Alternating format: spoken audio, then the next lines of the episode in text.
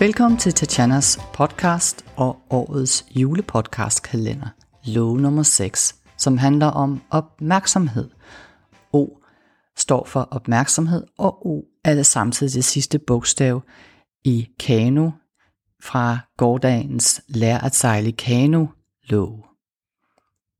På engelsk hedder det awareness, og awareness er noget af det vigtigste, du kan lære om dig selv.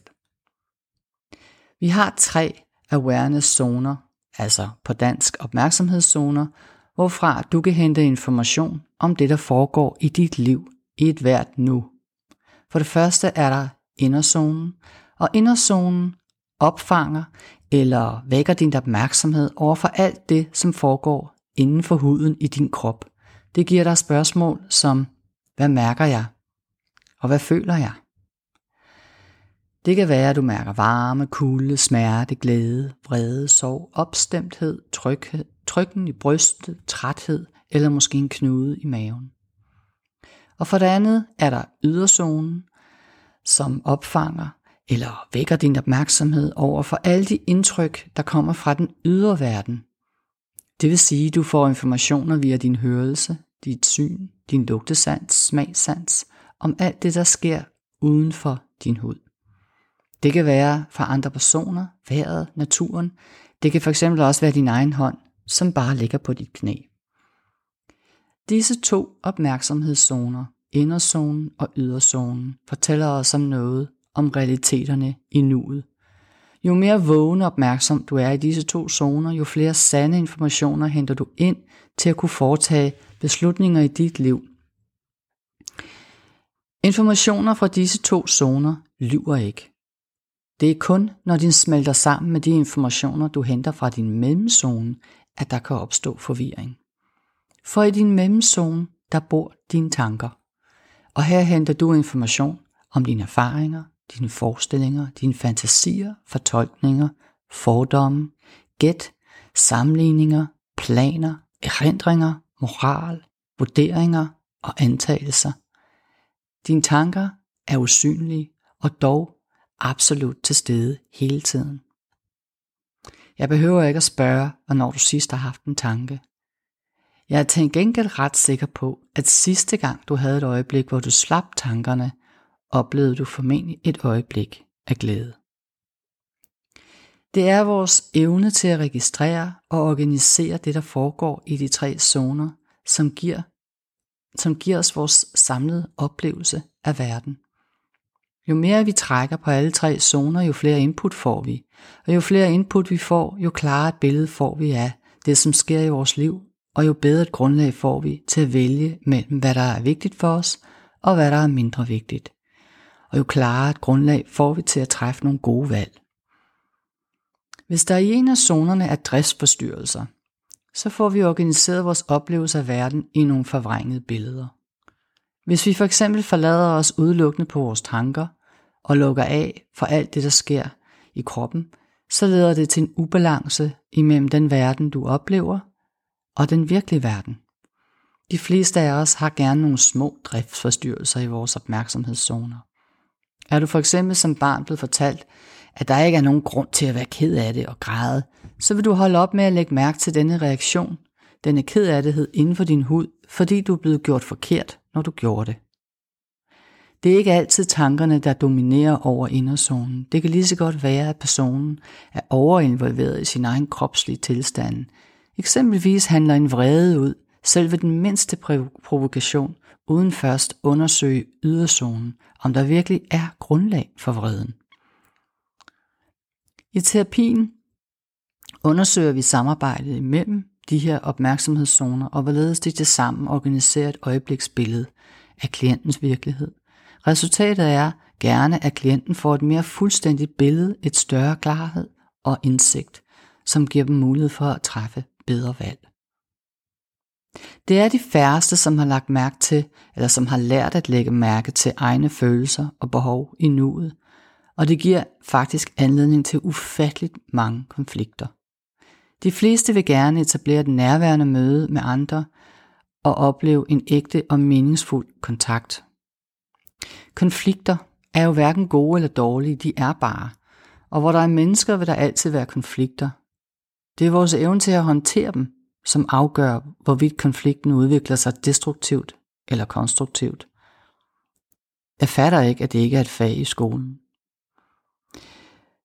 Hvis man tager afsæt i de her tre awareness-zoner eller opmærksomhedszoner, yderzonen og mellemzonen og inderzonen, så vil en afrundet informationssamling gerne naturligt gennemgå fire faser. Trin 1 er, at jeg lægger mærke til, og det kan så være alt, der foregår uden for din krop. Trin 2 er, mine tanker om det, der foregår er, og det er så nogle vurderinger, analyser eller fantasier eller idéer. Og trin 3 er, det jeg så ser uden for min krop, og det jeg tænker om det, det får mig så til at føle. Det kan være vrede, eller glæde, eller kedattighed, eller nysgerrighed. Og så kommer så trin 4, hvor det hele manifesterer sig sammen til et behov, på baggrund af det, man har oplevet i trin 1 og trin 2 og trin 3.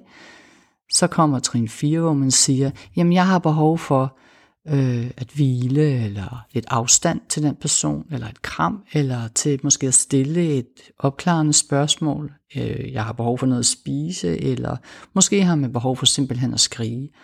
Afhængig af, hvad det er, der er blevet registreret i trin 1-3. Og hele den her opmærksomhedsproces er jo en indre proces. Det kan også godt være, at du deler med, den, med en anden, men det behøver ikke at være det det giver dig mulighed for at blive opmærksom på, hvordan du bremser dig selv, eller forlader dig selv, svigter dig selv, måske har fantasier, der ikke har hold i virkeligheden, eller simpelthen ikke er særlig god til at mærke dig selv, og hvad der sker inde i. Mærk dine følelser. Er det i trin 1, din måde at registrere og organisere alt, hvad der sker uden for dig, er det det, der fører dig på vildspor? Undersøger du egentlig det, der, det du registrerer uden for dig selv tilstrækkeligt, så du har et tilstrækkeligt grundlag for alle de efterfølgende tanker og følelser, du så får? Eller går du bare rundt med ufuldstændige billeder af virkeligheden? Er der et eller andet, du kunne spørge mere ind til? Er der nogle svar, som mangler, eller nogle billeder, som mangler? Eller er det trin 2, det som du tænker om, det du registrerer og organiserer, som løber afsted med dig i et spor, hvor du kobler dine tidligere, måske dårlige erfaringer sammen med virkeligheden? Det kan også være, at øh, dine følelser enten er helt overvældende eller voldsommere end den konkrete begivenhed berettiger til, eller omvendt er helt fraværende. Forbavsende mange mennesker, de springer trin 3 helt over. Når klienter for eksempel fortæller noget om deres liv, som er virkelig svært, og de gerne vil se nærmere på, på det, så spørger jeg typisk på et tidspunkt, jamen, hvad mærker du, føler du, når du fortæller mig den her historie? Og nogle de svarer, ingenting. Og så ved jeg, at så har man en opgave med at få vækket opmærksomheden i inderzonen, og det er der jo så selvfølgelig forskellige teknikker til. Endelig så kan man have en fin og meget detaljeret registrering og organisering af yderzonen og en meget velartikuleret, gennemarbejdet tænkning og en meget grundig og præcis registrering af følelserne, men intet behov. Og her har vi så et menneske, som altid sætter sin egen behov til side, andre er vigtigere. Og spørger jeg ind til det, så er det slet ikke sikkert, at jeg får noget svar, der er helt lukket af for at mærke et behov. For det bliver alligevel ikke opfyldt, og så slipper klienten for skuffelsen over endnu en gang ikke at få det opfyldt. Nogle mennesker eller begivenheder virker som triggere. Der er noget ved deres væremåde, det de siger, eller måske noget ved hele situationen, som aktiverer nogle gamle og gerne dårlige oplevelser. Vi kan, helt, vi kan opleve helt uden forvarsel og blive møg irriteret på de personer eller over den begivenhed, der udspiller sig. En arketypisk triggersituation, det er for eksempel at blive sprunget over i en kø. Det kan få selv de mest besindige mennesker til at gå helt i effekt. Det er nærliggende at tænke, at det aktiverer gamle negative oplevelser af at føle sig overset, eller opleve en retfærdighed, eller blive tyranniseret i skolegården, eller opleve mangel på respekt. Der er utallige muligheder, og det er langt fra sikkert, at det er den samme bagvedliggende ting, der trigger oplevelsen hos alle. Sikkert er det dog, at vi i vores trang til at komme tilbage i balance i vores krop og sind, og hele det, som engang er blevet forvrænget i os, helt ubevidst genskaber situationer, som giver mulighed for at hele det uafsluttede i os. Fordi først når du gennemlever det og er i stand til at bevæge dig fuldstændig ned igennem alle fire opmærksomhedsfaser, har du mulighed for at lukke det, man kalder den uafsluttede gestalt, eller det, der er uafsluttet i dig, det, der ikke er hele i dig, og kan slippe for behovet for at skabe lige præcis den her situation, den her trigger i dit liv igen. Vi bruger faktisk derfor andre mennesker og livssituationer til at hele os, og det er derfor, at man kan sige, at de er gaver i vores liv. Hver gang du løber ind i en vanskelig situation, der bringer dig ud af din balance og din comfort zone, er der en mulighed for at stoppe op og se nærmere på, hvad det egentlig handler om. Min erfaring er, at hvis du bruger de fire opmærksomhedsfaser til at gennemgå situationen for dig selv, så kan du blive klogere på næsten et hvert issue, der opstår i dit liv. Ved at stoppe op og undersøge det fænomen, der udspiller sig, kan du også forberede din efterfølgende handling, som meget vel kan være at tage en eller anden konflikt med dine omgivelser, som du måske har udskudt alt for længe. Gennemgå situationen for dig selv og stil nogle opklarende spørgsmål for at være sikker på, at der ikke er et eller andet, som du ubevidst overser i yderzonen. Du kan også bruge andre mennesker i dit liv ved at spørge, hvad de, hvad de ser, og læg mærke til, hvad du tænker og føler om situationen. Skriv det ned i en journal. Prøv at registrere, om du har et behov, som du kan formulere til et ønske. Spørg dig selv, hvad der forhindrer dig i at sige ønsket højt. Opmærksomhed er en muskel, du skal træne. Det er noget af det vigtigste, du kan gøre for dig selv. Du bliver opmærksom på det, der sker omkring dig. Du bliver mere bevidst om de tanker, det udløser i dig, de følelser, der opstår, og du bliver mere opmærksom på dine behov. Du kan altid vælge, om du så vil handle på det eller ej. Vigtigst er det, at du får klarhed. For selvfølgelig er det ikke altid nødvendigt at reagere på det. Næste gang du bliver sprunget over i køen, så tillader dig selv at gennemgå de fire opmærksomhedsfaser. Se om du lander et helt nyt sted i forhold til din reaktion på at blive sprunget over, end du tidligere ville have gjort. Se om du selv kan genskabe en balance indeni, hvor du kan vælge ikke at gøre noget, eller måske gøre noget helt andet. Måske kan du blot spørge den person, der springer dig over i køen, hvordan det kan være, at de springer dig over. Og måske får du et svar, du aldrig i din vildeste fantasi selv ville være kommet frem til.